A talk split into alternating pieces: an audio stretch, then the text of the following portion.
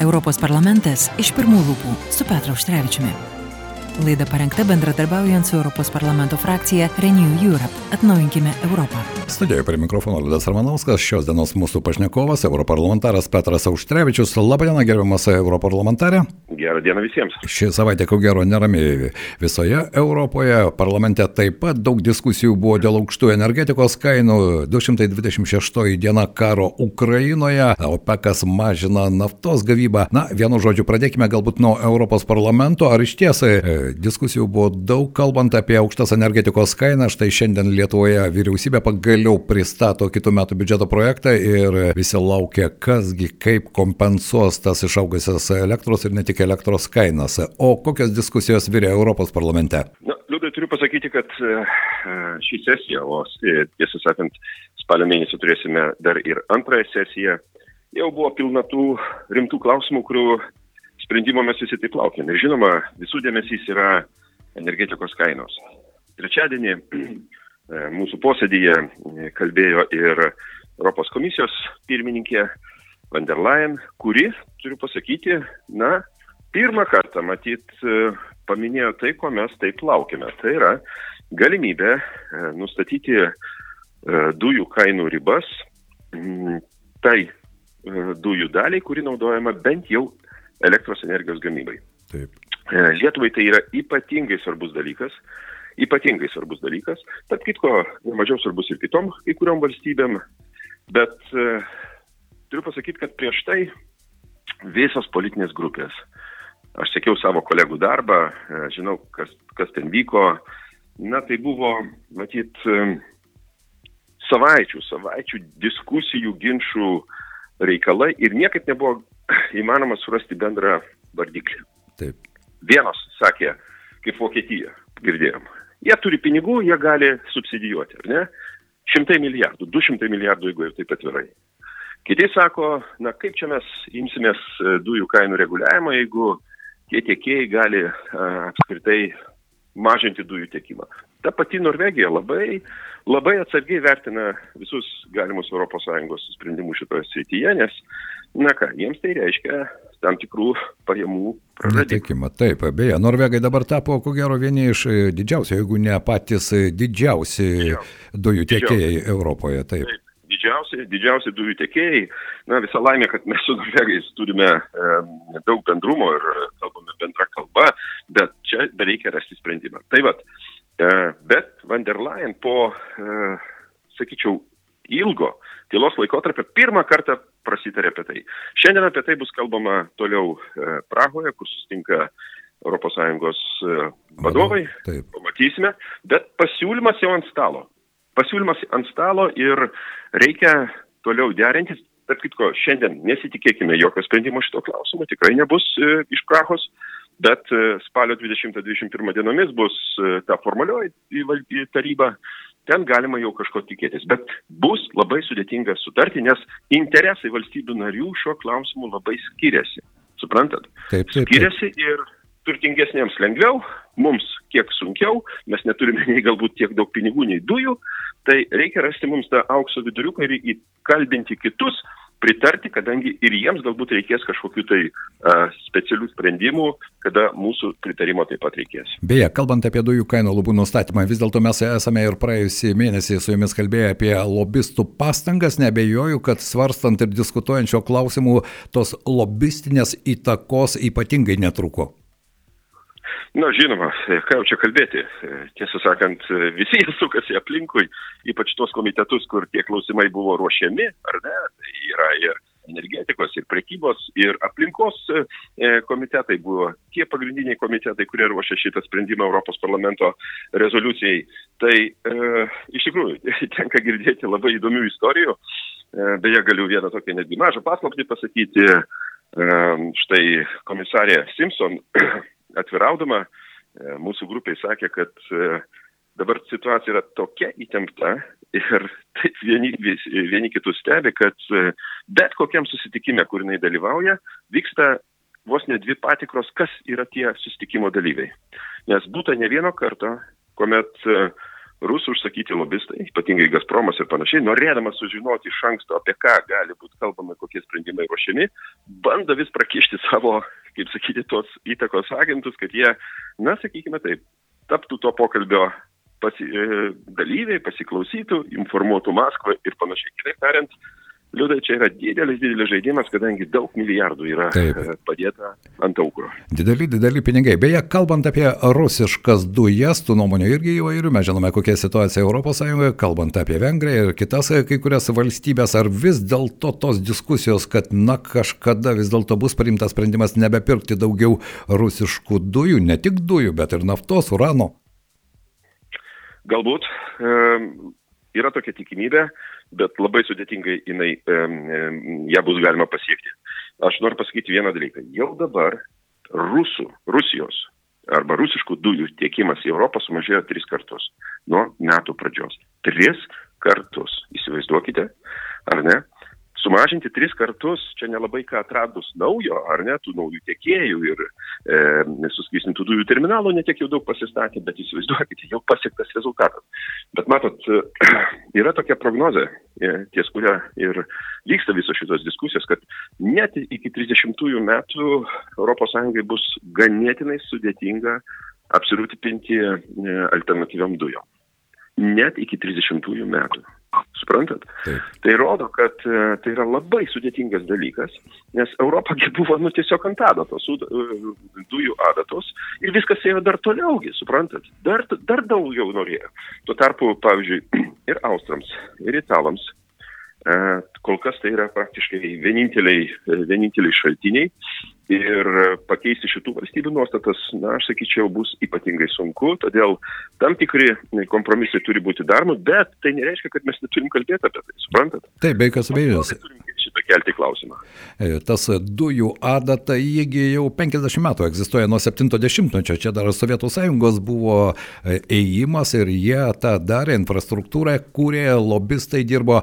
Dar vienas e, klausimas, tai yra, nuo vakar įsigaliojo 8-asis Europos sankcijos, sankcijų paketas Rusijai. Kaip jūs galėtumėte vertinti, nuomonių yra pačių įvairių, štai užsienio reikalų ministras Gabrielius Landsbergis sakė, jog jis labai silpnas, bet geriau toks negu jokio, o svarbiausia, kad vis dėlto po ilgų diskusijų ES valstybės sutarė. Kokia jūsų kaip europarlamentaro nuomonė? Na, geriau jau kažkas tai negu nieko. Bet kuris sankcijų paketas einantis, sakykime, jau nuo vasaros vidurio, bus visada kompromisinis. Atsiminkite, nieko čia nebus, kad vieni pasakė, kaip e, išdėlioja savo nuomonę, kiti pritars. Absoliučiai ne.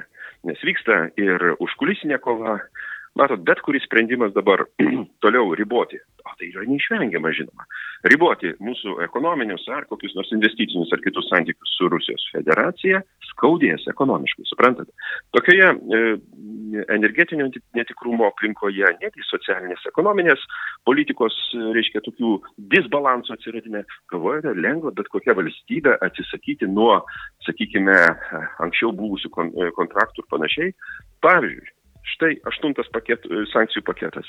Jis apima, e, reiškia, rusiškos naftos kainų ribojimą, kuomet jos jie vežami e, e, europiečių e, tanklaiviais į trečiasias valstybės. Suprantat, čia yra labai rimtas, gudriai sugalvotas ėjimas, bet e, tai liečia e, tanklaivių tokias valstybės, supervalstybės kaip Graikija, Kipra, kaip Kipra, registruoti tie tanklaiviai, kur didžiulės pajamos eina ir panašiai. Nu tai rastas sprendimas, rastas sprendimas atrodo, ar ne? Kompromisinis sprendimas. E, naftai dabar jau, štai nuo gruodžio, naftos produktams e, nuo, nuo vasario, jeigu aš tikrai atsimenu tiksliai. Matot, kompromisai kažkokie tai randami, nes yra kontraktai, yra visokie, visokios subtilybės teisinės ir kitokios, kurias reikia įvertinti. Jeigu eiti buldozeriu ir tiesiog reikalauti, nieko nepadarysim. Mes turim ieškoti bendro sutarimo su tom valstybėm, taip, tai yra labai sunku, tai yra netgi, sakykime, ciniška, matant e, situaciją Ukrainoje, rusų veiksmus e, kare, bet, nu, ką padarysi? Ką padarysi, kuomet, žinot, 27 ir daugiau turi tokią skirtingą ekonomiką, patirtį ir galbūt tradicijas. Na, be jokios abejonės, noriu įsitikėtis, kad e, po viso to galbūt ta pati ES jau e, bus kiek stipresnė, solidaresnė, bet tam irgi reikia laiko. Beje, kalbant apie naftą, štai OPEC Plus paskelbė, kad jie mažina naftos gavybą ir iš karto naftos kainos vėl kilstelėjo į viršų, dar viena pagalbos ranka Rusijai. Na, net meskime tos galimybės, kad OPECas gyvena savo gyvenimą. Žinot, jiems, jiems juos Dievas apdovanojo nafta, jie turi šito turto pakankamai, jie, galvoja, kaip laimėti bet kokioje situacijoje. Nemanykite, kad jie labai susirūpinę, kad čia pas mus kainos energetikos didėja, jiems pelnai didėja. Ir jie labai tuo patenkinti. Dar labiau vaikščios išpūtę krūtinės e, e, pilnom e, kišenėmis pinigų, kurias mes jiems sunešam už, už tą naftą ir, ir, ir dujas. Ir ten įvairių gali būti žaidimų. Matot, Rusija, Rusijos politika, lobizmas pasaulyje dar suaktyvėjo dar suaktyvėjo. Jiems tai yra desperatiška situacija ir patikėkite, jie ieško įvairiausių dvišalių regioninių dalykų. Matot, e, Arabijos e, pusėsalis taip pat priklausomas nuo, pavyzdžiui, nuo rusiškų e, e, grūdų tiekimo, nuo ginklų tiekimo, nuo galbūt netgi įtakojimo ten įvairių politinių frakcijų, kada tenai gali prasidėti kokie nors neramumai ar panašiai. O tas regionas irgi turi savo subtilybės ir priklausomybės, ar ne? Ir Rusija tą išnaudoja. Todėl tai tikrai yra labai nemalonus e, sprendimas mums visiems, bet žiūrėkit, amerikiečiai jau vėl strateginius rezervus e, Taip. padidino, nors vargu ar to bus pakankamai. E, aš girdžiu, kad Amerikos naftos pramonė reikalauja, kad Bidenas leistų daugiau eksportuoti, dar daugiau eksportuoti amerikietiškos naftos, nes jie turi jos ir gali būti, kad tai gali būti tam tikras sprendimas. Dar vienas klausimas, tai yra vakar įvykęs Europos politinės bendrijos toks teigiamasis suvažiavimas, ar iš tikrųjų tai tik 27 Europos plus dar 17 valstybių bendra nuotrauka, ar jūsų nuomonė kaip politinis darinys jis turi kažkokią perspektyvą? Aš suprantu, kad tai buvo pirmasis, galbūt toks daugiau formalus e, nuotraukai, kaip minėjau, o iš esmės, ar šis darinys e, gali turėti kažkokios pozityvios energijos? Priminsiu, kad tai yra Emanuelio Makrono pasiūlymas, jam jau yra keletas metų, į, įvairiai čia buvo svarstyta, kas, kaip ir kada, kodėl, kai kurie sakė, kad tai gali būti m, alternatyva ES plėtrai ir panašiai, bet žiūrėkit, karas viską pakeitė, ar ne, ir mums reikia kalbėti su tais partneriais, tom valstybėm. Jau 17 valstybių, įsivaizduokite, mūsų 27, jų 17, 44 valstybės, praktiškai tiek pat, kiek Europos taryboje. Europos Taip. taryboje šiuo metu yra 46 valstybės. Jeigu mes rasime bendrą formatą pokalbių, gali tai būti savotiškas ir e, demokratinių bendryjų forumas Europoje ir panašiai. Ko reikia? Mums reikia daugiau supratimo pokalbių ir panašiai, nes e, atkreipkite dėmesį, tarp tų 44 nėra ir nebus Rusijos, ar ne? Tai savotiškai klubas, kuriuo labai turėtų būti nepatenkinta Rusija, matydama, kad atvažiuoja visi į Prahą, štai šnekasi, kad ir nuotrauka pirma, ar ne kaip rugsėjo pirmosios, bet kažkas tai prasidėjo. Jiems turėtų labai nepatikti šitas susitikimas ir jie turėtų būti labai, e, žinot, sunerime. Rusija, jeigu bandytų sukviesti tokį susitikimą, jinai žlugtų. Europos Sąjunga, vat matot, čia yra mūsų, kaip sakyti, pranašumas, mes galime tiek sukviesti, kadangi yra tiek valstybių pritarančių mums ir suprantančių, bet čia yra labai, kaip sakant, pati pradžia.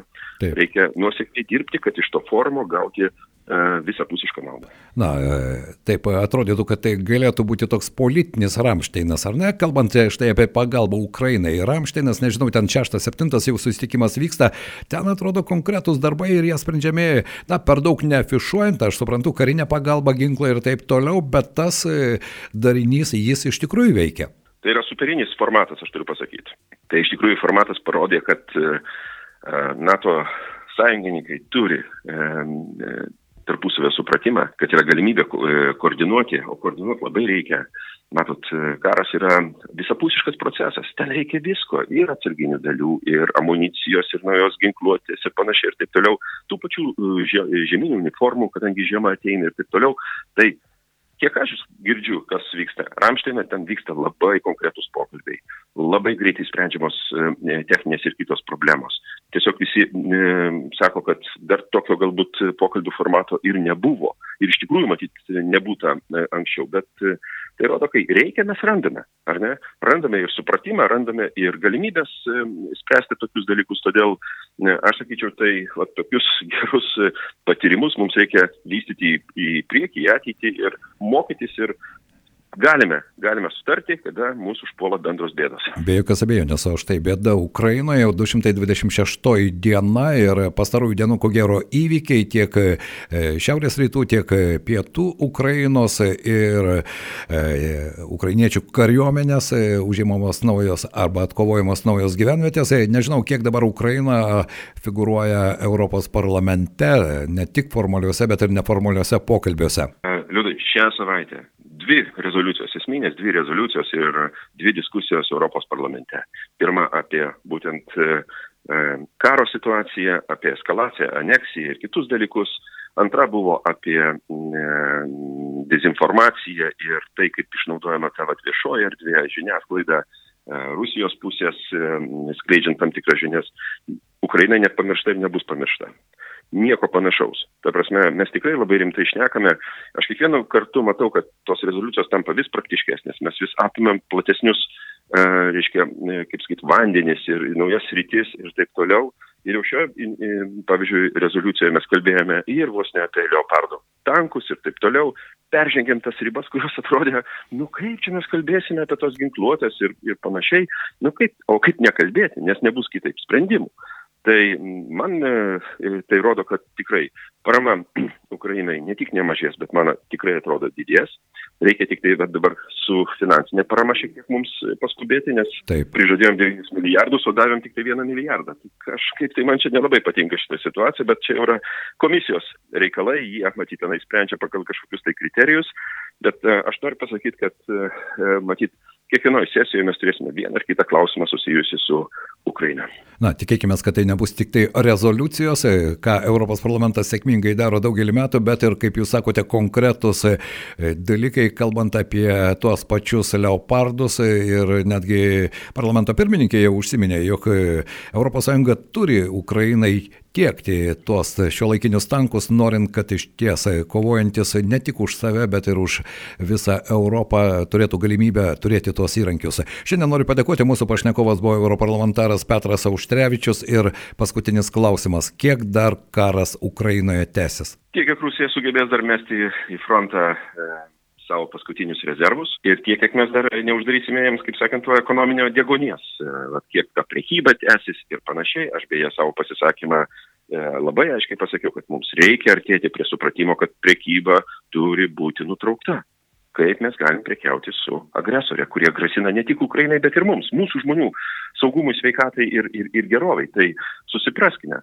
Todėl, matyt, e, Šie metai dar bus pilni to, tų įtemptų žinių apie situaciją Ukrainoje, bet e, aš manau, kad e, mes darome teisingas išvadas.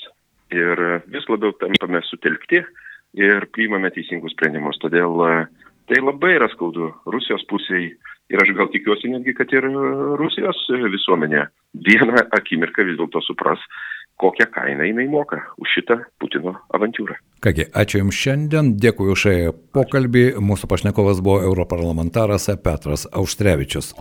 Europos parlamentas iš pirmų lūpų su Petru Auštrevičiumi. Laida parengta bendradarbiaujant su Europos parlamento frakcija Renew Europe. Atnaujinkime Europą.